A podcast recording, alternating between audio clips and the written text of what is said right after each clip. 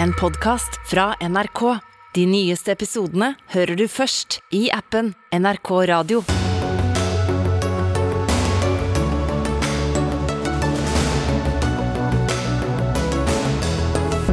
Stemmene telles fortsatt i det amerikanske mellomvalget, men kommer republikanerne til å anerkjenne valgresultatet? Audun Lysbakken gir seg som SV-leder etter elleve år. Han tok over et parti langt nede, men har klart å samle fløyene, roser mangeårig politisk motstander Torbjørn Røe Isaksen. Unge Høyre vil forby nikab og burka i offentligheten. Kvinner må da få bestemme selv, protesterer Sosialistisk Ungdom. Og Senterpartiet i regjering er dårlig nytt for norsk beredskap, kritiserer Miljøpartiet De Grønne. Helt feil, svarer Senterpartiet. Mitt navn er Sigrid Solund, og dette er blant sakene vi skal innom gjennom en time med Dagsnytt 18. Men først skal det handle om krigen i Ukraina. For forsvarsledelsen i Russland har bestemt at de russiske militære styrkene skal trekke seg ut fra den vestlige siden av elva Dnipro. Det betyr at de også trekker seg ut av byen Kherson, som er regionhovedstad i Sør-Ukraina. Og hvorfor tror du de gjør dette nå, Geir Hågen Karlsen, du er oberstløytnant og hovedlærer ved stabsskolen? Ja, det er eh, militært fornuftig, eh, men det er politisk overraskende. Og så skal vi se om eh, det faktisk skjer. Da. Ukrainerne er jo fortsatt skeptiske. Men de har 30 000, kanskje flere soldater vest for den store elva Dnipro. og Der er broene blitt skutt i filler av ukrainerne gjentatte ganger. Og Det å etterforsyne så mange, da, pluss sivilbefolkningen som fortsatt er igjen med pontongferger og båter, er jo veldig vanskelig. Så det er klart Hvis de trekker ut herfra, eh, over elva Dnipro, så får de en stor elv. Det er som å ha Glomma og vel så det eh, mellom seg og ukrainerne, og det er jo ganske lett å forsvare. Og Der har de bygd flere forsvarslinjer, så det, dette er nok noe de har forberedt. Og Så skal vi være litt skeptiske og se når, når og hvordan det skjer, da, før vi er helt sikre her. Jan Espen Kruse, du er utenriksjournalist her i NRK, tidligere korrespondent i eh, Moskva. Krigen har vart i åtte måneder nå. Hvor viktig er denne tilbaketrekningen, både på bakken, men også som signal? Dette er jo et stort nederlag. Det er helt umulig å framstille det som noe annet sett fra russisk eh, side. Eh, denne byen Kherson tok de jo veldig tidlig da de invaderte eh, Ukraina, og har holdt den siden. Og flere ganger tidligere så har de sagt at dette, denne byen er så viktig, den skal de holde. Men nå gir de altså den opp, og det kan ikke ses på som noe annet enn et kjempenederlag. Ja, det må føles som et nederlag for Putin? Eh? Åpenbart. og Politikk og militære behov er to forskjellige ting. Men her er jo militære realitetene som begynner å stable seg opp eh, gang på gang.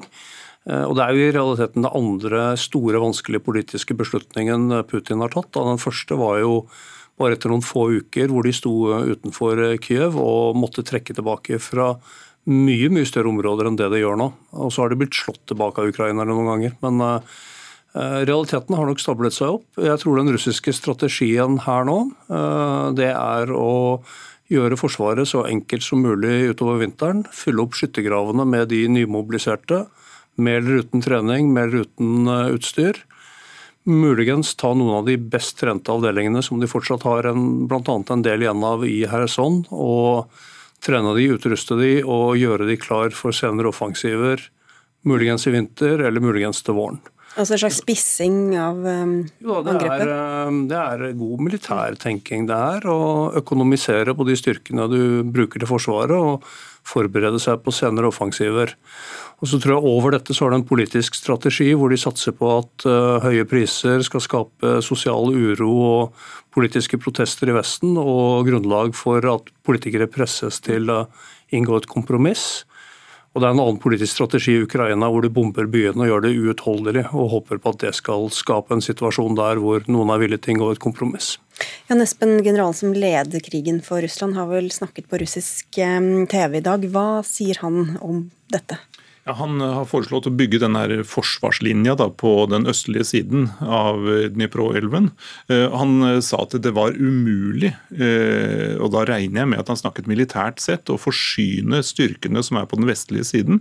Det er naturligvis vanskelig å sende massevis av forsyninger, militære styrker og våpen osv. ammunisjon over denne svært brede elva. Og De ukrainske styrkene har jo stått ganske nær Kherson by. Det er vel snakk om en 15 km eller noe sånt eh, den siste tiden. og Da risikerer de jo at de blir beskutt etter hvert eh, når de skal trekke seg tilbake. Så det blir jo interessant å se hvordan denne tilbaketrekkingen skal foregå. Men hvordan tror du dette blir mottatt internt i Russland? Det er klart, de, de, de, statlige mediene i Russland de driver sin propaganda så, som de har gjort hele tiden. Men det blir jo stadig vanskeligere for dem å framstille dette som noe slags seier. Altså de, har, de siste månedene har det vært nederlag etter nederlag på slagmarken i uh, Ukraina. Og, og ja, man, man, skal jo ikke følge mye med for å forstå at dette er ikke noen seirende her som går framover. Det, det, er eh, Det må, må være være et kjempestort politisk nederlag. Eh, de har satt i gang denne krigen, og så må de trekke seg tilbake. Og fra ukrainsk hold ses det vel på som en stor seier, eh, Karlsen? Ja, det er, og det er jo en stor by. og det er klart Ukrainerne er veldig glad for å overta den byen uten å måtte angripe selve byen, for da tar du store tap og vil nok ødelegge mesteparten av byen. Så, så det er veldig bra. Eh, og så er det veldig bra politisk internt i Ukraina, for de settes under et veldig press med disse det som statsminister Støre kaller terrorbombing av byene. Eh, det er jo bare sivile som rammes av disse strømbruddene. Eh, og da er de fint med en seier på veien. Det viser jo at det lykkes, og det viser at det nytter å slåss videre. Og det er viktig for moralen både i befolkningen og langs fronten. Mm. Og som du sier, så får vi se om det faktisk skjer. Takk skal dere ha for at dere kom på kort varsel, Geir Hågen Karlsen, oberstløytnant, og Jan Espen Kruse, utenriksjournalist her i NRK.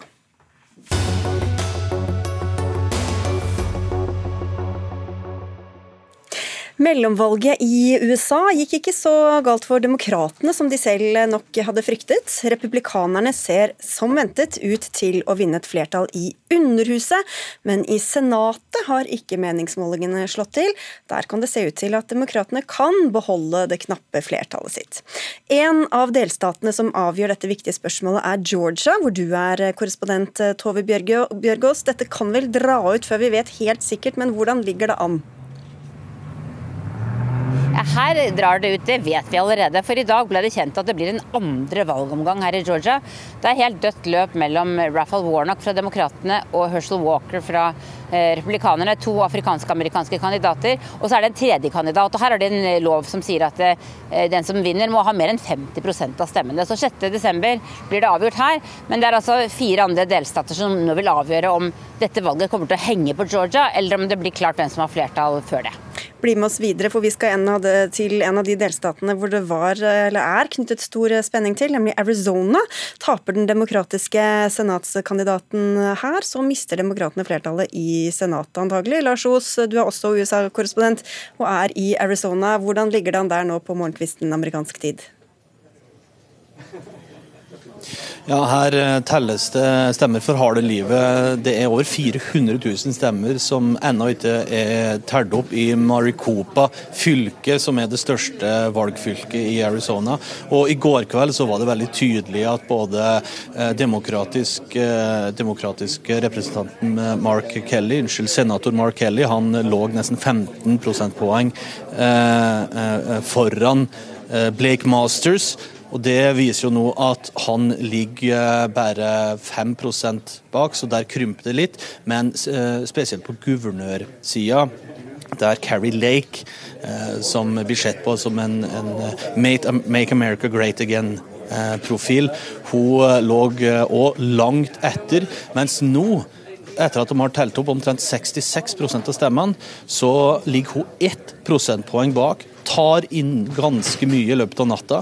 Og det er rett og slett bare 8000 stemmer eh, som gjenstår før hun eventuelt kan eh, gå i ledelsen. Så her er det kjempespennende. De republikanske politikerne der har vært veldig opptatt av dette med valgfusk, men hvis det går deres vei, så snakker de kanskje ikke så mye om det nå lenger, eller?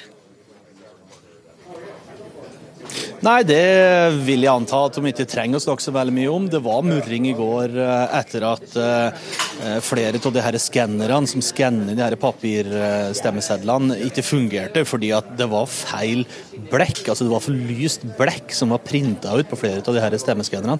Det eh, klarte myndighetene i Maricopa, Maricopa fylke å, å, å, ordne opp i løpet av dagen. Men det gjorde da at flere stemmer er nødt til å telles opp på nytt. og Det er jo det som skjer her nå.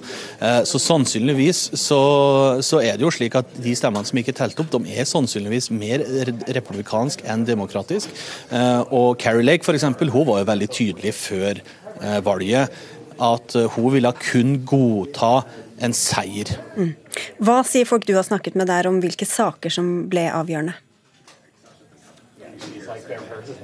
Ja, altså For, for eh, republikanerne så har det handla om uh, egentlig to ting her i Arizona. Det første er jo inflasjonen. Det er veldig dyrt å fylle drivstoff, det er dyrt å kjøpe mat. Uh, og det andre her er jo at det er veldig mange immigranter som krysser grensa til, til USA i Arizona. De har en ganske stor, ganske lang Eh, grense mot, mot Mexico, og de kaller det for ulovlige immigranter som ødelegger landet. Mens demokratene her de er mer bekymra over, eh, over, klimaet, og litt av grunnen til det er at her i Phoenix så er det over 100 døgn i året nå i 2021 der det er over 110 grader Fahrenheit, altså 43 grader. Det er glovarmt her, så de er bekymra over det. I tillegg til at det er veldig lite vann. Vannmangel er et stort problem her. Og I tillegg så er de òg veldig redd for at demokratiet står i fare. og det, det at uh, republikanerne kan komme i posisjoner mm. der de kan endre f.eks. på hvilket valg skal utføres. Takk skal du ha, Lars Os. Vi har folk her i studio også. Hilde Restad, du er førsteamanuensis ved Oslo nye høgskole, forfatter av den nye boka 'Det amerikanske paradokset'. Hvor tydelig er det bildet som tegner seg nå av eh, dette mellomvalget? Nå vet vi ikke alle resultatene, og jeg er veldig spent på Arizona og Georgia. Men eh, det er én ting som vi kan si med sikkerhet, og det er jo at det liberale demokratiet har slått tilbake. For nå ser vi en ganske klar trend. Eh, det var et stort sjokk når Trump vant i 2016. Eh, men allerede i mellomvalget i 2018, altså i presidentvalget i 2020, og nå i mellomvalget i 2022, så ser vi at de moderate velgerne som ikke ønsker denne hatefulle, valgfornektende type retorikken, at de faktisk stemmer. Eh, og stemmer for demokratiet. Det er jo helt utrolig at demokratene har klart å slå denne sterke historiske trenden som tilsier at når det går dårlig med økonomien, og når det er det første mellomvalget etter en ny president, da burde opposisjonspartiet gjøre det kjempebra. Mm. Vi hørte fra Lars Os hva de han hadde snakket med var opptatt av. Er det gjengs, tror du? Ja, jeg tror det er en til veldig viktig sak. Altså, vi vet at demokratene og republikanerne er veldig misfornøyd med inflasjon, bensinpriser, og at de generelt sett er ganske misfornøyd med Joe Biden, for han har ikke høye meningsmålinger. Og allikevel så stemmer de på demokratene. Og da tenker jeg at det er en annen sak som også har vært viktig, og det er abort. Eh, så Høyesteretten, som da tok vekk den eh, grunnlovfesta retten til selvbestemt abort i juni, har på en måte vært med å forme eh, det her valget. Og det har jo vært fem ulike delstater som har stemt over abort, og i alle de delstatene så stemte man for retten til selvbestemt abort.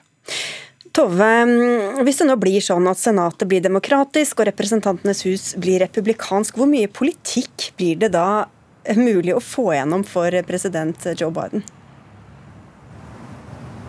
Veldig, veldig lite. Og, og vil, så det, det, vil bli veldig vanskelig å få gjennom disse store pakkene som demokratene har klart å vedta mens han har vært eh, president.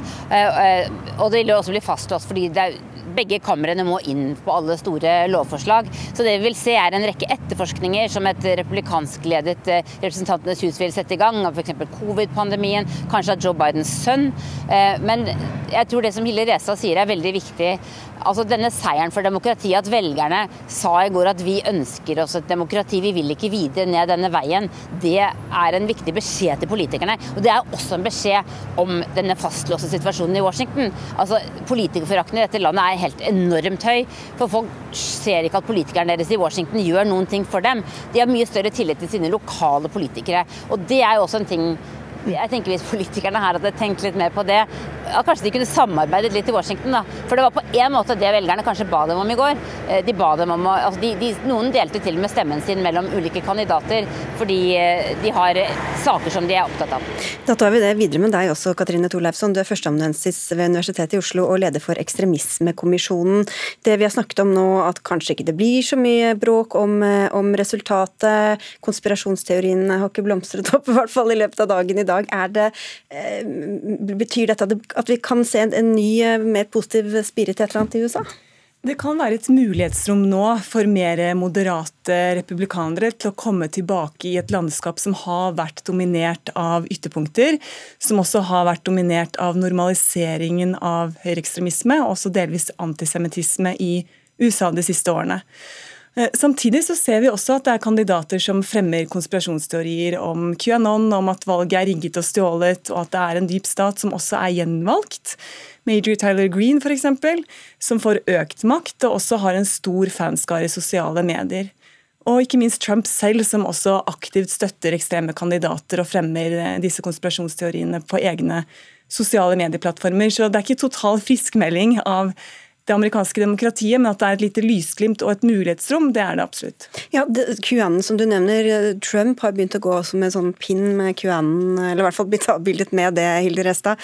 Dette valgresultatet vi ser nå, betyr det at det er mindre sannsynlig at veien ligger klar videre for Trump ved neste korsvei? Det kan bety det, eh, fordi det her var en ganske stor eh, veddemål for Donald Trump. Han gikk veldig sterkt inn i valget og eh, fant de kandidatene som støtta han, som støtta the big lie om at det var Trump som hadde vunnet valget i 2020, og gikk ganske sånn høyt ut og støtta dem. Og så har det ikke gått så bra med de kandidatene som man kanskje har frykta, selv om jeg er fortsatt spent på Kerry Lake i Arizona. Og i så måte så er det jo da Trump og Trump-fløyen av det republikanske partiet som egentlig er taperne i dag. Eh, men så har man jo venta hele tida på at det republikanske partiet på en måte skal ta det her oppgjøret, eh, og skal skjønne at det ikke er lurt å følge dem mot ytre høyre. Og så har det jo egentlig aldri kommet. Så vi kan jo håpe at det kommer denne gangen, men eh, vi får se. Hvor viktig er det med et sånt oppgjør eventuelt, Torleifsson? Det er veldig viktig, fordi det er en negativ trend. Det har vært en tidobling i trusler mot medlemmer av Kongressen det siste året. Det har vært en økning i politisk vold siden 2016. Og det er høyt på agendaen i USA, det problemet de har med eh, vold fra hvit overmaktmiljøer og militsgrupperinger, og ikke minst også mot folkevalgte. 28.10 ble også mannen til Nancy Pelosi angrepet med hammer i eget eh, hjem osv. Så, så det er eh, en negativ trend når det gjelder politisk vold. Mm. Eh, vi husker at eh, Trump ble kastet ut av Twitter eh, i sin tid. Elon Musk har kjøpt Twitter nå, og til stor oppstandelse. Hva kan det få å si av konsekvenser? Det har mye å si når det gjelder viral spredning av konspirasjonsteorier, og også normaliseringen av det. Og Vi vet at teknologiselskapene har dette øverst på agendaen når det gjelder å selvregulere. Vi vet også at propaganda har betydning når det gjelder radikalisering av hele befolkninger. Eh, så det er klart at eh, det er også eh, negativt, samtidig som ytringsfriheten også skal ivaretas. Men vi vet når det gjelder et fenomen som QAnon, så var det digitale subkulturer med hjelp av også de store plattformene som var sentrale i spredningen av det. Tove, vil du si at Nå har ikke Trump sagt at han stiller til presidentvalget om hva er det, 2024, to år. Men er sjansen hans svekket, tror du, etter dette mellomvalget? Jeg tror det. Én ting som skjedde i natt, var jo at guvernøren i Florida, Ron DeSantis, gjorde et kjempegodt valg. Florida var jo en vippestat tidligere, men nå er det blitt en republikansk delstat, også takket være ham. Der bor også Trump, men DeSantis har vært veldig effektiv. Han har både frontet disse kulturkampene om eh, abort og hva barna skal lære på skolen og sånn, i tillegg til at han fører en økonomisk politikk som mange andre velgere liker. Så han kan både få Trump-velgere og mer normale republikanere, da. Eh, eller gammeldagse republikanere, om du vil. Eh, så eh, spørsmålet er om det blir en slags kamp mellom de to, eh, og selvfølgelig også andre i partiet fram mot 2024. Og jeg har snakket med ganske mange republikanere som er ganske langt ut på høyresida de siste månedene, som har sagt at de er ikke så sikre på om de vil ha Trump. De vil kanskje heller ha DeSantis, sier de. Så nå blir det veldig spennende. Nå har Trump sagt at han skal komme med en annonsering på tirsdag i neste uke. Og jeg vil jo tro at han da har tenkt å si at han, at han stiller. Men mange tenker vel også blant velgerne at, at for Trump så handler det mer om ham selv. Eh, og de ønsker kanskje en president som tenker mer på dem enn på seg selv. Vi får se. Men det blir i hvert fall eh, Dynamikken er litt endret med det som skjedde i natt. På, nei, på, demokratisk side Helge Resta, så har de vel et ganske upopulært par eh, ved makta som president og visepresident. Og i 2024 så er Joe Biden over 80 år. Hvordan skal de forholde seg til eh, de, dette de neste to årene? Nei, så her er jo litt sånn Ironisk så er jo det her eh, kanskje da det at demokratene har slått oddsene, eh, oddsene, oddsene eh, betyr jo kanskje da at eh, Biden kan ta det liksom litt til seg og si å, kanskje jeg burde stille igjen i 2024, vi, vi gjorde det så bra. Eh, men jeg tror jo ikke at det er noe partiet ønsker. Eh, og hvis vi håper at måte, Donald Trump er fortida, så fikk vi en liten flik av framtida eh, i natt. Fordi at vi så at den yngste generasjonen velgere, generasjon Z, de som er født etter 1996, de er jo veldig demokratisk, veldig progressiv, eh, og ønsker kanskje å bli en maktfaktor i det demokratiske partiet, og føler seg kanskje ikke så representert av Joe Biden. Og fortsatt så er det mange uker til vi vet hvordan dette faktisk ender. Takk skal dere ha i denne runden, får vi si. Eh, Hilde Eliassen Restad fra Universitetet i nei, Oslo nye høgskole, Universitetet i Oslo. Det var deg, Katrine Torleifsson. Og våre egne Lars Os og Tove Bjørgaas.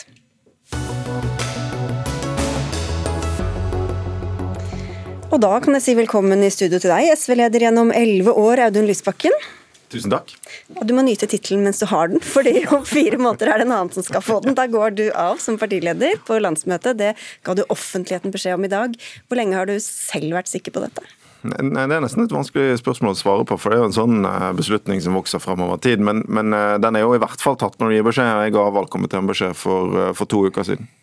Og så skal du jo sitte på Stortinget helt til 2025. Hvorfor var dette en god tid for partiet å skifte leder, mener du? Jeg tenker jo at uh, utover at den viktigste grunnen uh, handler om uh, familien min og vårt eget liv, så tror jeg òg det kan være et godt tidspunkt for partiet på den måten at vi har vært gjennom en lang fase. Den, uh, gjort den jobben som jeg ble valgt til å lede arbeidet med, snuoperasjonen bort fra sperregrensen. Uh, vokst jevnt og trutt de, de, siste årene. Nådd en del av de målene vi satte oss. Og nå er det på tide å sette seg en del nye mål. og Det kommer til å ta tid. Og jeg tror det er klokt at en ny partileder får ta over i god tid før valget i 2025. Som uh, det må legges en god strategi for. Du får jo gode ord fra politikere over hele det politiske spekteret i dag. Hvis vi sammenligner oss med det vi nettopp snakket om, nemlig politikken i USA, der frontene er steile, polariseringen har økt voldsomt de siste tiårene, hvordan eh, vil du beskrive norsk politikk? Altså, eh, det, det, er jo selvfølgelig noe litt rituelt når en partileder går av, så kommer disse eh, hyggelige meldingene. Men det ligger noe ekte bak det òg. Og det er at vi er heldigvis fortsatt et sted i Norge hvor vi på tvers av dype politiske uenigheter, for det har vi jo, kan snakke godt sammen, fortrolig sammen, ha et eh, vennskapelig forhold. Sånn at vi som har vært partiledere en stund, vi kjenner jo hverandre også på den måten. Det, det, tror jo jeg er en viktig verdi, da, fordi det du ser i USA er jo at du kommer til et punkt hvor du mistror dine motstandere så mye at du ikke bare er uenig uenig med dem, men du mistenker at de har onde hensikter. Eh, så det tror jeg vi skal ta vare på. Eh, så jeg syns jo det har vært veldig hyggelig i dag, det må jeg si. Du er ikke redd for at det samme skal skje her? Eh, jo, altså jeg mener jo at det er tendenser i samfunnsdebatten som går i en retning hvor du, eh, ikke bare for det jeg mener er sunt, tydelige politiske motsetninger, men en usunn polarisering hvor vi går over til å eh, ikke snakke sammen og, og mistro hverandre. Men det er heldigvis langt igjen til, til USA. Vi må jo se oss litt tilbake på en sådan dag. Du sa jo selv at du hadde denne snuoperasjonen, fått SV langt oppover på meningsmålingene. Hva mener du har vært suksessoppskriften? For det første at vi holdt sammen i de årene var vanskelig, for det var jo mange år med motgang. Jeg tror vi også bygde en partikultur i de årene hvor, som, som, la grunnlag for at partiet kunne bli mer eh, slagkraftig. Eh, preget av eh, sterk lojalitet til hverandre, rett og slett. Det er jo veldig mange tusen mennesker som har vært med på det. Og så bygget vi en profil som jeg tror har gitt SV en tydeligere rolle i norsk politikk, som partiet for rettferdig fordeling og miljø. Det er de to fanesakene. Men du kom jo inn på et skal vi si, litt merkelig tidspunkt rett før du ble valgt, så gikk du av som barne- og likestillingsminister, het det vel da, pga. en habilitetssak, og fordi det var gitt penger fra ditt departement til en undergruppe av eh, sosialistisk ungdom, nemlig Jenteforsvaret. Det var flere som mente at du ikke kunne bli partileder etter dette, og saken hang ved deg ganske lenge. Hvordan prega det deg i årene som gikk? Nei, jeg syns det var tungt. Jeg hadde mye å, mye å, si om den saken, men det var jo mye i det som jeg opplevde som uh, både urettferdig og feil. Men Og de gjorde jo at starten ble vanskelig, og vi lå dårlig an. Og en lang periode etterpå lå vi enda dårligere an. Slo sperregrensen med 2000 stemmer i 2013. Eh, så det er klart at det var tøft. Men, men jeg tror òg at vi, vi, som parti og jeg lærte veldig mye av de årene, som er, er, grunnlaget for at eh, det har gått bedre i årene etterpå. Eh, det at vi klarte å stå sammen. For det er klart at da var vi i en situasjon som, der mange stilte spørsmålstegn ved SV sin eksistens. Og, og, og jeg ble møtt med veldig mye kritikk, og, og jeg er jo stolt over at vi klarte å snu det sammen. Og da, Det var jo da du hadde sittet i regjering, altså mellom 2009 og 2012. De neste ti så har du sittet på Stortinget. I fjor sonderte dere muligheten for å danne regjering med Senterpartiet og Arbeiderpartiet. Begge de partiene har falt stort på meningsmålingene. Hvor glad er du for at du ikke har sittet i den regjeringa? Altså jeg mener, eh, Det var jo en skuffelse at vi ikke fikk til en rød-grønn regjering, men jeg mener jo at det var det riktige valget når vi først kom dit og det ikke var mulig å få til en politisk avtale vi kunne stå inne for. Eh, og jeg mener at eh, jeg kan stå for det jeg sa på Hurdal, at vi skulle få til mer for de som hadde stemt på oss på den måten. Og Resultatene de siste året syns jeg taler for seg. Vi har fått til mye som gjør en forskjell. Og så er jo det litt sånn for meg nå da, at når jeg må liksom riste av meg den dagen og komme meg ut av sånn takke takkemodus og over i det som jeg skal gjøre den neste tiden. og Det er jo å lede arbeidet med budsjettforhandlingene, for vi har eh, mye igjen å gjøre. Men nå er vi i takkemodus. Torbjørn Røe Isaksen, du er samfunnsredaktør i E24, men du har også en lang fortid i Høyre. Og du skriver i Lysbakken i dag, som dere har fulgt hverandre siden begge var ungdomspolitikere. Hvordan husker du den tida? Nei, den, den, unge Audun Lysbakken som jeg møtte, var jo veldig radikal. Det hadde vært rett og slett et lite sånn opprør eh, hvor det var en veldig radikal fløy i SV, eller Sosialistisk Ungdom, som hadde vunnet. De kalte seg marxister, kalte seg revolusjonære, var mot privat eiendomsrett. Eh, heller ikke veldig begeistra for å snakke med folk fra andre partier sånn før og etter debatter og sånn. Eh, så det var det første møtet. Eh, og så, så, endret jo det seg etter hvert, da. Men jeg må jo allikevel si at eh, dag er det, jeg ser en del av beskrivelsene fra da mine nå kollegaer i pressen, og jeg er nok jeg er enig i at SV i dag framstår som et, et, et, moderat maktparti på venstre side, sosialistisk parti. Eh, men, men allikevel så er det veldig tydelig, syns jeg, den påvirkningen fra venstrefløy. Når SV f.eks.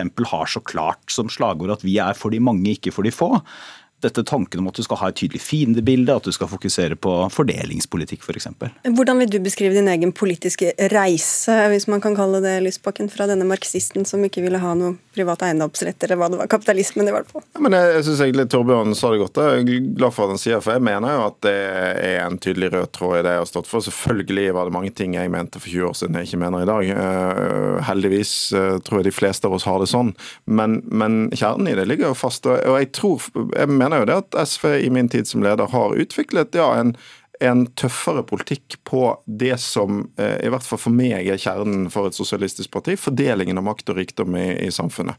Så, eh, så jeg, eh, det, det er noen sånne det er mange hyggelige ord i dag, men det er kanskje noen klamme omfavnelser også fra enkelte. Jeg, Var dette en av dem? Nei, jeg, nei, tvert imot. Jeg er glad for at Torbjørn sier det han sier. For jeg, jeg, mener jo at eh, det er ikke sånn at eh, SV har blitt så utrolig moderat og forsiktig. Jeg mener vi har vært et ganske tøft parti, eh, og også vist vilje til å ikke bli tatt for gitt, som vi gjorde i fjor. Men, men, vi skal kombinere det med å være et pragmatisk og maktsøkende parti. Og det går faktisk an. Mer taktisk og flinkere til å prioritere, sier du, Torbjørn Isaksen? Ja, Det har jo SV vært veldig tydelig på selv også utad. At i f.eks. budsjettforhandlinger så er man tøffere på prioriteringene. Gjør noe ganske tøft også når de sier til regjeringspartiene at her er det kutt som vi ikke ville gjort, eller endringer vi ikke ville gjort, men vi har ikke tenkt å rette det opp. Og Det, det tyder på at man, man, da i hvert fall har lykkes til en viss grad med å kombinere dette radikale sosialistiske partiet med et maktparti. Da. Og at det skulle gå sånn, det var ikke helt gitt da Lysbakken tok over? Nei, eh, det var, nok, det var nok ikke sånn at eh, det var Altså I 2012 så hadde nok Audun Lysbakken endret, eh, endret, seg en del fra den ungdommen som jeg møtte da vi var i ungdomspolitikken sammen, men, men det var jo ikke det. Det starta jo helt på bånn. Altså SV var jo i en full, full, krise, paradoksalt nok etter å ha hatt makt og styrt Norge i åtte år. For mange år siden så skrev dere to en felles eh, kommentar som dere kalte 'Kommentariatets diktatur'. Vi kan sette over eh, til diktatoren her, eh, Lars Nehru Sand, politisk kommentator i NRK. Hvor viktig vil du si at Lysbakken har vært for SVs vei oppover på meningsmålingene og valgresultater? Han har vært avgjørende det at han har hatt et politisk prosjekt som med prøving og feiling. Han prøvde først på å definere helsepolitikken, industri, næringspolitikk, eh, men fant til slutt disse to pilarene som han har klart å forene i, i et SV-prosjekt om eh, fordeling og miljø. Han har klart det samtidig som Rødt og MDG har eh, vokst ved partiets side, men da definert likevel et plass og en rom, et rom i norsk politikk for, for SV. Stått Eh, tro mot et budskap over lang tid. Og også selv om det ikke begynte så bra. Jeg tror det er det som har betalt seg, både for han som leder internt i sitt parti, eh, men også i partiets jakt på, på stadig flere velgere. og Det har vært en spennende reise å, å følge utenfra. Det er vel ingen som har stått fram som potensielle arvtakere ennå, men det er tre stykker det særlig blir pekt på, nemlig nestledere Torgeir Knag Fylkesnes og Kirsti Bergstø. Førstnevnte vant over Kari Elisabeth Kaski da det var strid om nestledervervet. Hvem tror du kan gå seieren ut? Det tror jeg er helt åpent nå. og I det ligger det at alle tre kan vinne, men alle tre kan, kan også tape. Det er ingen som er så favoritt her at, at det er naturlig å, å, si at det er en som har en veldig stor fordel. Eh, de har litt ulike fordeler og litt ulike ulemper. Jeg tror nok Kaski har styrka sitt kandidatur siden hun tapte den nestlederstriden, så jeg tror ikke man ville telt opp og fått det samme stemmetallet eh, nå. Bergstø har prøvd seg som fungerende leder når Lysbakken var i denne tredje eh, pappapermen. Og og jeg tror noen vil vurdere den innsatsen noe ulikt. og Får vi se hvem av de tre, om eh, kanskje alle, da, stiller, og, og hvordan det, det, vil spille seg ut i, i, partiet. Men det at det skjer samtidig med en ganske tydelig politisk eh, dragkamp i partiet også om, om sikkerhetspolitikken og Nato-synspunktet eh, til partiet fremover, eh, det gjør også at det blir en veldig spennende eh, diskusjon å, å, følge i det som jo potensielt blir en, en lederstrid, som det også nok handler litt om hvor Eh, pragmatisk hvor, eh, hva slags SV vi, vi trenger i, i, årene fremover, nå som da forhandlingspartner til en, en rød-grønn regjering, og hvordan man skal spille ut det, hvilke velgergrupper man skal jakte på, f.eks. Mm. Og dette med Nato blir jo et veldig spennende punkt når dere skal møte Audun Lysbakken. SV ble jo også grunnlag på Nato-motstand. Hva syns du dere skal ende opp med? altså, Jeg har fått i oppdrag av landsstyret å, å legge fram på sentralstyret sin vegne en, en bredere uttalelse om sikkerhetspolitikken. Så det skal vi gjøre, og da skal jeg si hva jeg mener. Men, uh, men jeg tror det, det, er selvfølgelig en uh, viss sånn frydefull forventning i miljøer utenfor partiet om at vi skal rive hverandre i filler over det spørsmålet. Det kommer ikke til å skje. og Grunnen til det er jo at vi ikke har en grunnleggende uenighet om synet på Nato, synet på avhengigheten av USA.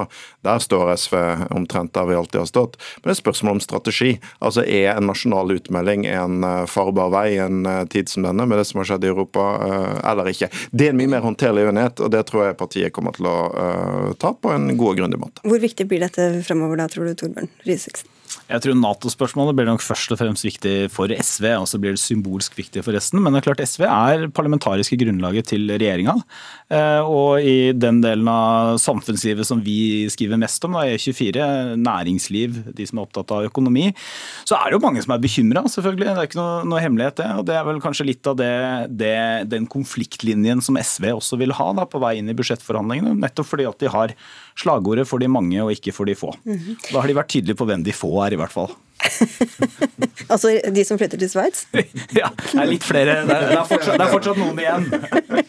du, helt til slutt her, du vil jo selvfølgelig ikke si hvem som skal ta over etter deg, men du har jo vært med på det samme. Du stilte jo med to motkandidater i din tid, Bård Vegar Solhjell og Heikki Holmås. Hvilket råd vil du gi partiet i det som kan bli en lederstrid, i hvert fall framover? Jeg tenker at uh, partiet uh, skal håndtere det som en naturlig ting. Vi er et sterkt og samlet parti, kommer til å uh, ha en ryddig diskusjon om det. Vi har en god valgkomité, og nå skal den få lede den prosessen. Og Så velger vi leder i SV. Vi, de utpekes ikke av den forrige lederen, så jeg skal, jeg skal Et lite stikk til Frp der? Ja, egentlig kanskje. Men det viktigste er jo at vi, vi gjør det sånn fordi det er det som gir det beste resultatet, og det beste utgangspunktet for den skal være leder for SV. Eh, derfor skal ikke jeg eh, peke ut noen.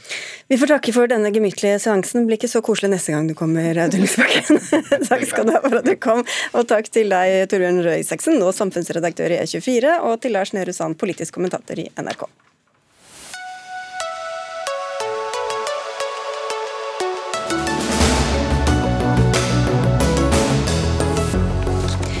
Er det kvinnekamp å la kvinner kle seg i akkurat hva de vil, også om disse klærne dekker både hele kroppen og ansiktet? Eller er det bedre kvinnekamp å forby sånne plagg som nikab og burka? Debatten har gått eh, hos Side i Aftenposten i det siste, og utgangspunktet er jo at dere ønsker et forbud mot sånne plagg i offentligheten. Arina Amir, du er politiker i eh, Unge Høyre. Hvilke problemer vil dere løse ved et sånt forbud? Først og fremst, for å svare på spørsmålet, ditt, så vil jeg understreke at dette er et forbud mot nikab og burka og ikke hijab, for det er veldig mange som ikke forstår forskjellen på dette. Nei, Vi snakker om disse plaggene. Enten du, ser du bare litt av øynene, eller eh, Dekker til ansiktet. Mm. Ja. Uh, og Grunnen til at vi ønsker å forby nikab og burka, er fordi at det er et plagg som isolerer og fengsler kvinner. Det tar fra dem deres egenhet og deres identitet, og det får dem til å dekke seg til og skjule ansiktet sitt. Og de bruker ikke dette av fri vilje. Enten så bruker de det fordi at de har en mann, far eller bror som tvinger dem til det, eller så bruker de det fordi at de har folk rundt seg som får dem til å tro at dette er religion. Og begge deler er feil, og Unge Høyre mener at vi ønsker å stå på kvinnenes side i denne saken, og ønsker derfor å få dem til å leve de frie og selvstendige livene de har krav på. Men hvordan kan dere være så sikre på det, da, at dette ikke er noe kvinner velger selv? Fordi at dette, har, denne, dette, plagget har jo sin bakgrunn med ukulturer. Uh, dette er jo ikke noe som har en religiøs uh, hensikt. Jeg selv er muslim og ser ikke på nikab og burka som noe annet enn en ukultur. Og da tenker jeg at det er bedre å forby det for å sikre den reelle friheten for kvinner. For dette er jo på ingen måte frihet, for la oss snu om på det en gang. Når var sist gang vi satt i dette studioet og diskuterte en manns frihet til å kunne dekke seg til? Aldri, ikke sant? Fordi at en mann han vil aldri godta å bære et plagg som tar fra hans, hans identitet og hans frie egenhet. Han vil aldri godta å bære et plagg som gjør det vanskelig å puste og se. Og han vil aldri ta på et plagg som eh, får han til å på en måte miste sin egenhet. Da. Eh, men dette plagget må kvinnene være ofre for. og dette er jo på ingen måte frihet. Mm. Og hva slags frihet er dette? I så fall er det en veldig misforstått frihet. Linja Sandsberg, du er feministisk leder i Sosialistisk Ungdom. Symbolpolitikk kaller dere det. Hvorfor er det det? Ja, øh, fordi jeg ser ikke hvordan dette fremmer likestilling, men jeg ser hvordan dette fremmer en mer øh, polarisert kultur. Um, det du snakker om, er jo negativ sosial kontroll, noe vi alle er imot, men jeg syns dette er å starte på helt feil ende. Um, fordi om vi skal motvirke negativ sosial kontroll altså Det dårligste vi kan gjøre, er jo å kriminalisere det få antallet kvinner som bruker nikab og burka. Da må vi heller sant, skape fellesskap og sørge for at de blir inkludert. Og det gjør vi jo ved å sikre dem lik rett til arbeid og utdanning. Um, og, og sørge for at vi har en antirasistisk debatt hvor vi ikke snakker om hvor vi ikke snakker om også dem, men heller eh, hvor vi sørger for å snakke med bruker. Men er du enig i at disse plaggene er et uttrykk for negativ sosial kontroll? Altså Det kan det godt være, men jeg skjønner ikke hvordan et forbud skal være måten å løse på. Og det jeg også har bitt meg merke i, er jo det at Unge Høyre og Høyre er de som gjerne snakker om at man ikke skal forby ting bare fordi man ikke liker det. Og dette er et veldig stygt eksempel på at man ønsker at staten skal gå inn og bestemme hva kvinner går med, når vi heller burde sørge for at kvinner selv skal få lov til å bestemme hvilke plagg de går med. Jeg tror Unge Høyre og SV har to ganske ulike syn på hva frihet er. For mens Unge Høyre mener at frihet handler om hva kvinner selv ønsker å gå i, så mener SV at frihet handler om hva det er din mann, bror eller far ønsker at du skal gå i. Og Nikab og burka det er et hinder for integreringen og inkluderingen i det norske samfunnet. Vi ser jo i Norge i dag at uh, dette har vært et hinder for integreringen. Disse kvinnene blir ikke inkludert i det norske samfunnet, og målet med integreringen i Norge er jo at disse skal bli inkludert. Ja, altså Så klart er jo ikke vi i Sosialistisk Ungdom imot at kvinner skal bestemme over egen kropp, men jeg ser ikke hvordan et forbud som dette er skal kunne sikre at vi slår ned på negativ sosial kontroll. Og det er ikke, Unge er ikke de første til å snakke om et slikt forbud. Det er flere land i Europa, som Belgia, Frankrike, Nederland, som har innført dette her. Og FNs menneskerettighetskommisjon har jo slått fast at dette bryter med menneskerettighetene. Så det er jo heller det vi legger til grunn. Men hvis vi ser litt sånn praktisk på det, Amir, hvis det er sånn at en kvinne blir tvunget til å gå med disse plaggene mot sin vilje, vilje. Hvorfor tror du at det vil gi dem mer frihet, hvis de da blir nektet å gå med dem, i stedet for at de da kanskje bare blir enda mer isolert og sitter hjemme i stedet for hos de samme mennene som du kritiserer? Mm. Det er jo slik at Dette forbudet er jo ikke alt vi ønsker å få til. Det er et steg på veien i kampen mot å bekjempe all form for negativ sosial kontroll. Og et forbud mot nikab og burka det er et godt steg på veien. For nikab og burka det er et plagg som symboliserer undertrykkelse. Men, men, men til det jeg spurte om, hvor, hvor, altså, tror dere da at da vil de samme kvinnene gå ut uh, i friheten, på en måte, eller at de da vil isolere seg hjemme. fordi at disse, Hvis, hvis det er, så, er, sånn at de er under negativ sosial kontroll, så får de jo da beskjed om at da får dere ikke lov å gå ut, da. Ja, Allerede så får du ikke muligheten til å gå ut. De lever isolert i sine hjem. Enten så skal de gå ut med sin mann, sin bror eller en eller annen mann i sin slekt eller familie. Men målet er jo at dette skal dette forbudet er et steg på veien. Deretter skal man jobbe mot å bekjempe all form for negativ sosial kontroll, enten det gjelder tvangsekteskap, det gjelder eh, ja, kvinners frihet til å gå kledd som de vil, eh, eller vold i hjemmet osv. Men dette er et steg på veien. Ja, uh, Du snakker veldig mye om sånn frihet til kvinner uh, og å frigjøre disse kvinnene, men jeg syns det er veldig lite frigjørende at om en kvinne går på gata med burka eller nikab, at politiet skal komme og gi henne en bot for det. Og Jeg er redd for at dette vil øke altså mer stigmatisering av kvinner, av minoritetskvinner. Uh, fordi vi har sett f.eks. i Nederland at muslimske kvinner generelt melder fra om mer hatkriminalitet og mer diskriminering etter at dette forbudet har trådt i kraft. Men Kan man i det hele tatt være en del av det norske samfunnet hvis man går med sånne heldekkende plagg hvor man eh, eh, egentlig er ute av stand til å kommunisere med andre mennesker? Ja, altså jeg tenker uh, Man blir jo ikke noe mer en del av samfunnet for å ikke få lov til å gå ut av døra. Og igjen, da liksom uh, Da er jo ikke gitt at et slikt forbud faktisk vil sørge for at de tar seg av nikaben og burkaen. Ja, jeg må bare legge til at Nå har Unge Høyre og jeg frontet denne saken i over et halvt år.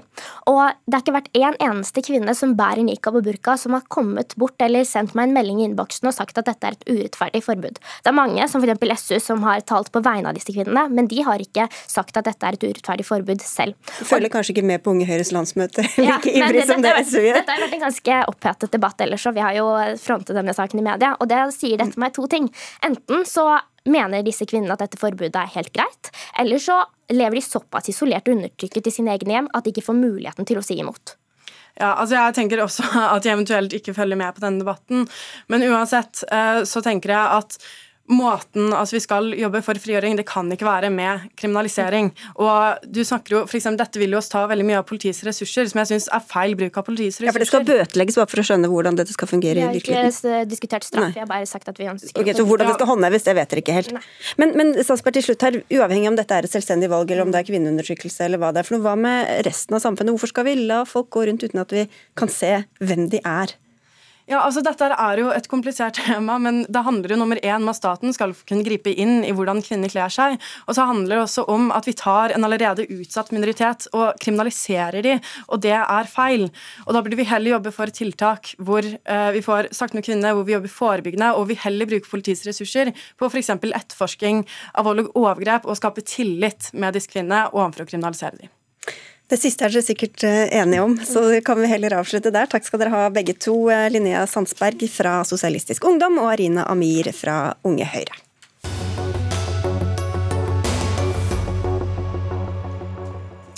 Senterpartiet i regjering er dårlig nytt for norsk beredskap. Tiden for naivitet må være over. Dette er ikke mine ord, men dine. Det var du som skrev dem i Bergens Tidende, Arild Hermstad. Du er fungerende partileder i Miljøpartiet De Grønne. Hvorfor gjør akkurat Senterpartiets makt deg så urolig for beredskapen? Det er Senterpartiet som har ansvar for mye av beredskapen i Norge nå. Og vi vet at eh, vi har vært naive veldig lenge. Har, eh, staten har et beredskapslager som varer i tre dager for en liten bydel i Bergen, og det er det vi har. Vi har bygd ned kornlagrene våre. Eh, vi har en av verdens laveste selvforsyningsgrader. Vi har en klimapolitikk som er på feil kurs.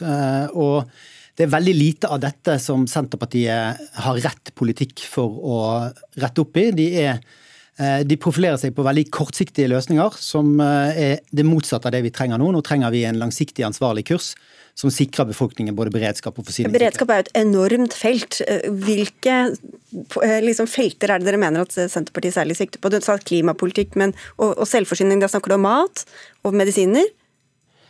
Det stemmer. Og så kan man også legge til samarbeid med våre naboland og våre, de statene vi står sammen med, hvor Senterpartiet Eh, er skeptisk til å samarbeide i EØS-samarbeidet. Der trenger vi å styrke samarbeidet. Eh, og vi trenger også å unngå naivitet i samarbeid med andre land. Eh, og så er det jo viktig å si at Senterpartiet heller ikke har profilert seg på å, å, å ta og sette Norge på en ny kurs. Men jeg tror det også, det er klart at de har arvet en borgerlig regjering som i åtte år har vært fryktelig naive, og de har også vært naive tidligere tider. Så nå er tiden for å sørge for at den norske befolkningen har en god beredskap. Og da snakker du om f.eks. For forholdet til Russland osv., hvis jeg skal lese deg rett? fordi når du snakker om naivitet? Ja, altså F.eks.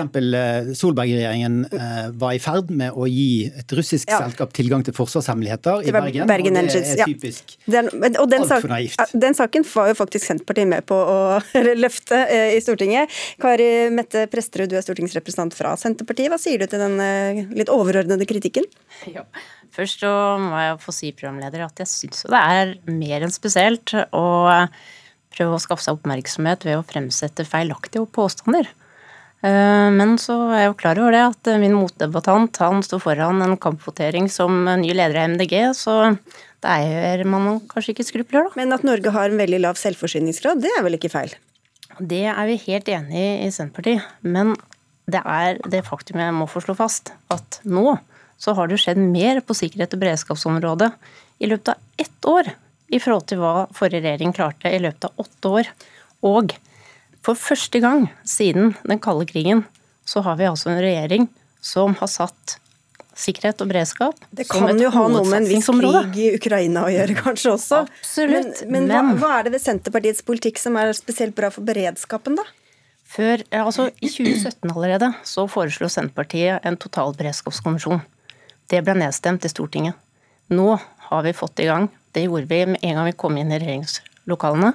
Og vi har fått i gang en eh, forsvarskommisjon. Og Der regner vi med at vi får mange gode forslag. Men før vi la fram statsbudsjettet, så la vi altså tre milliarder på bordet til Forsvaret, primært Heimevernet. Og vi la på bordet en halv milliard til den sivile beredskapen. Og i det så klarte vi altså å styrke eh, en Sivilforsvaret som hadde en backlog å ta igjen. Vi har fått styrka politiet, PST, NSM, okay. hovedredningssentralene. Og vi har fått styrka sivil klareringsmyndighet ja. osv. Ja, og det, altså, Dette er jo bra, og, men det skulle også bare mangle. Eh, vi har opplevd en krig på europeisk jord, eh, og den har eh, selvfølgelig fått alle europeiske regjeringer til å virkelig snuse rundt og endre kurs. Og så er jeg redd for at vi også oppi den kortsiktige krisen glemmer de langsiktige andre sakene som, som står på dagsordenen. Og eh, jeg syns jo at eh, Senterpartiet også har en naiv politikk når det kommer til klima. Eh, man har en naiv politikk når det kommer til nedbygging av natur. Eh, Senterpartiet har stemt altså i vår så skrøt Sandra Borch av vårt forslag om å verne matjord, men så stemte Senterpartiet det ned like etterpå.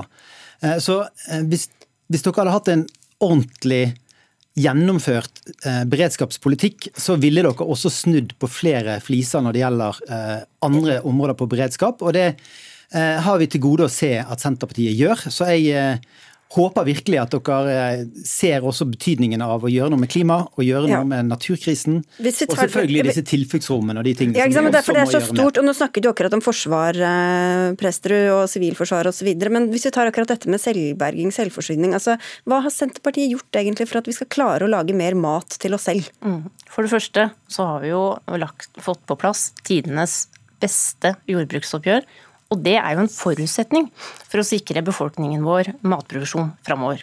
Og for det andre så er vi første regjering, med Senterpartiet i regjering altså, som sikrer eh, nå med fremlagt budsjettet penger til beredskapslagring av korn. Det har ikke vært gjort før. I stedet så har man lagt ned kornsiloer og flytter inn kunst der i stedet.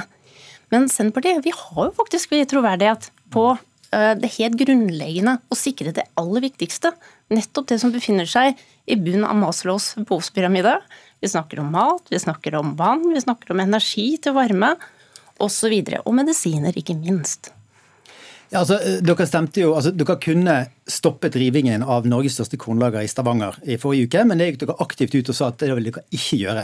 Og Der kunne også Senterpartiet gjort en forskjell med å si at det ikke er aktuelt å rive det.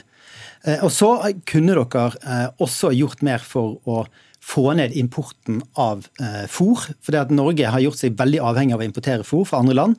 Fordi at vi har eh, satset veldig mye på selvforsyning på kjøtt, samtidig som planteproduksjonen, frukt og grønt, har gått ned i Norge. Eh, og Der trenger vi en ny kurs fra Senterpartiet, som altfor lenge har tenkt effektivisering og egentlig gjøre Norge, Norges landbruk enda mer sårbart. Så der Jeg savner en ny kurs hvor vi faktisk tenker gjennom hva er det, hvilken type landbruk skal vi ha som gjør oss robuste for fremtidens utfordringer. Selvforsyningsgrad er vi virkelig opptatt av. Der tror jeg vi er enige. Dere ønsker vel å styrke Vi har satt oss mål om 50 Men er vi selvforsynt når både laksen og oksa og sauen spiser eh, importert kraftfôr? Nei, Det er helt åpenbart at her har vi mye å gjøre. For det første så pågår det jo forskning for å kompensere for nettopp importert soya. Og det andre er jo at eh, i Senterpartiet så er vi opptatt av å ta i bruk hele landet nettopp beitemulighetene som finnes der. Men det blir jo ikke så enkelt å få til noe matproduksjon og kjøttproduksjon der, da, når at Hermestad skal ha flest mulig rovdyr inn på det beitet. Altså, vi, vi, Dette ble en veldig springende debatt. vi er enige når det kommer til beiteressurser. Eh, og Det er veldig mange områder i Norge hvor vi kan beite mer, hvor det ikke er rovdyrkonflikt. Eh, så, så der kjører jo Senterpartiet det som den sentrale konflikten. Ok, Bare for å bringe inn enda et element på slutten her, så har vi vært innom 15 debatter. For dere vil jo også bygge ut mye mer fornybar energi, eh, Arild Hermstad, samtidig som dere ikke vil ha naturinngrep. Hvordan henger det sammen, da?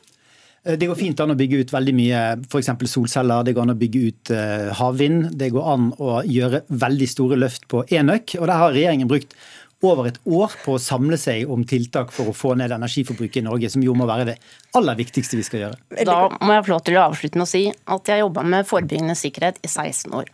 Og en forutsetning for god sikkerhet, det handler om at man har kontroll på verdiene sine. Og det gjelder ikke minst vannkrafta vår.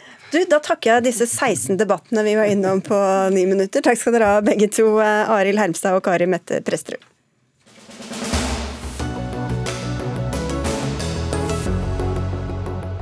Balladen om Sløseriombudsmannen fortsetter, for NRK-dokumentaren 'Prosjekt sløseri' får kritikk fra flere hold. Filmen hadde premiere tidligere i eh, høst. Den handler om veien fram til en oppsetning som kunstner Morten Tråvik lagde om den såkalte Sløseriombudsmannen, etter at eh, han hadde harselert over samtidskunstnere på en egen Facebook-side. Filmen får kritikk for å være ensidig og ikke ha med kunstnerne som har følt seg hetset av denne sløseriombudsmannen. Denne kritikken svarer du og filmens produsent på i et innlegg i Fagbladet. Journalisten Olian Larsen, du er prosjektredaktør i NRK for denne filmen. Hva var det anmelderne skrev som fikk dere til å rykke ut? Eh, det vi eh, reagerer på, er at eh, altså Vi er jo veldig glad for at filmen fikk god mottagelse, stor interesse, mange som skriver om filmen. Eh, og så registrerer vi at det er eh, også flere som Eh, påpeker at filmen er ensidig, eh, og at eh, det er også en forståelse for at en sentral aktør takker nei til å delta i filmen. Det er disse kunstnerne som ble harselert Og, og, og, og forbundet for, for, disse kunstnerne som, som, ikke, som, ikke, stiller opp. Ja, Du beskylder anmelderne i Morgenbladet, Klassekampen og scenekunst.no for å vise forståelse for sabotasje av det offentlige ordskiftet? Ja, på den måten at eh, altså, Det som skjedde, var jo at eh, norske dansekunstnere gikk veldig høyt ut. Det var jo ganske dramatisk å påstå at de var utsatt for uh, trusler om drap, voldtekt. Det hadde blitt malt hakekors på døra osv. her i NRK. og så, og dette ble jo en del av filmens historie fram mot denne forestillinga som på en måte er målet for filmen.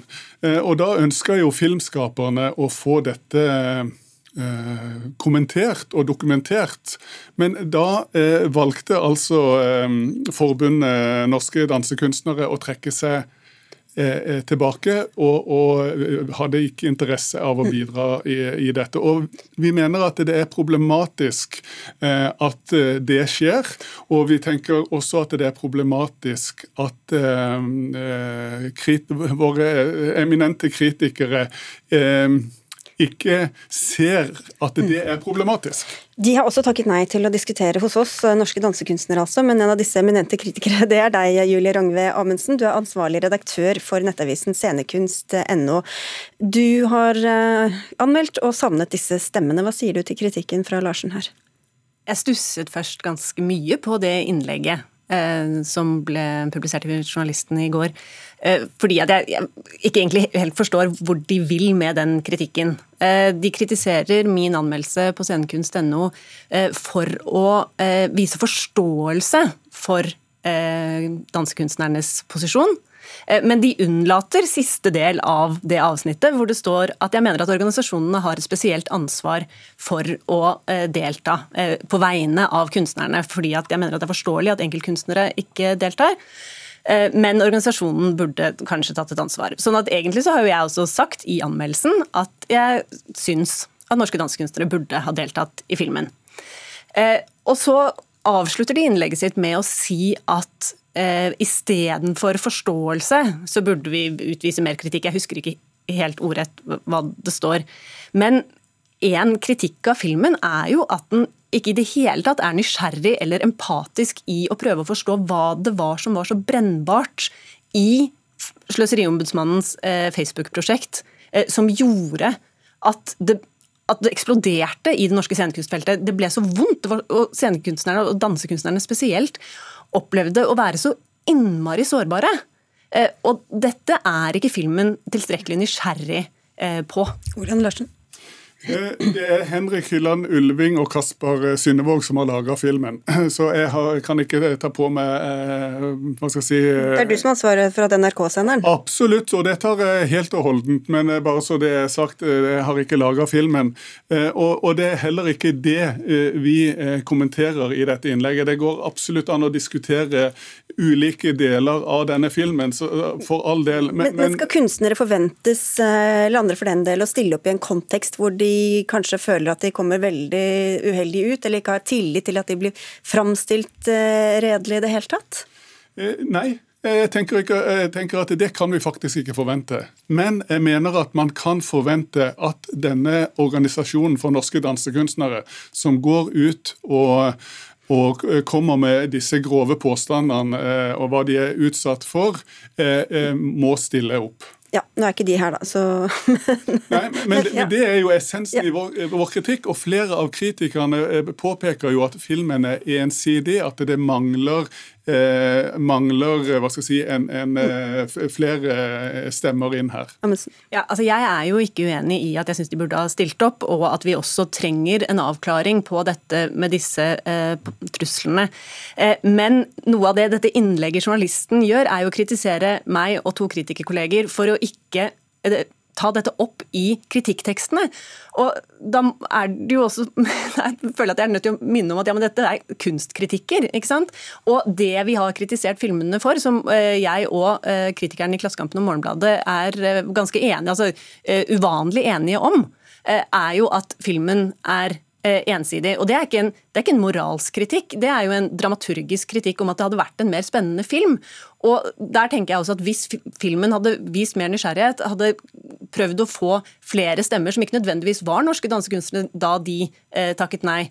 Eh, men det har vært, dette har jo vært så stort eh, i scenekunstfeltet at også flere kritikere eh, kunne fått plass i, i filmen til å ja, diskutere dette.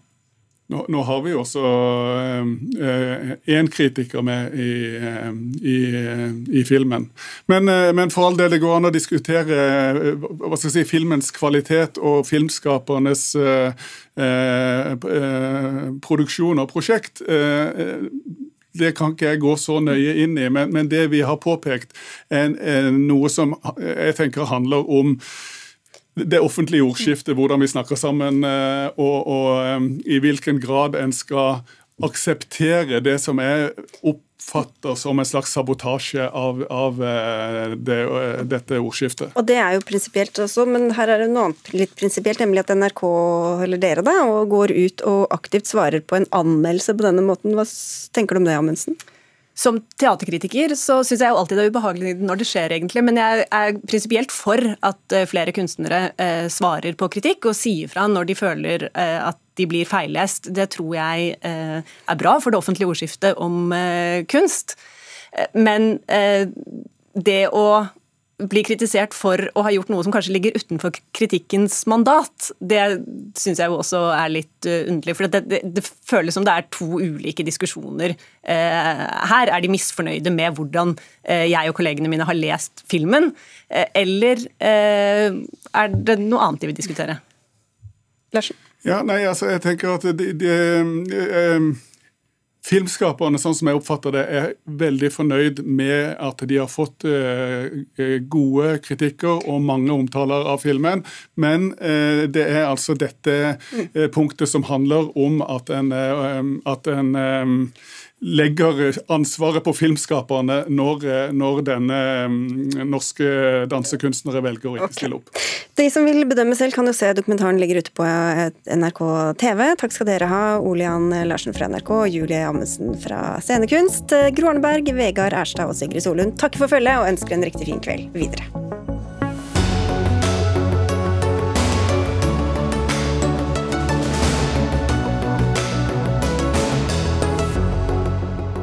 Du har hørt en podkast fra NRK. De nyeste episodene hører du først i appen NRK Radio.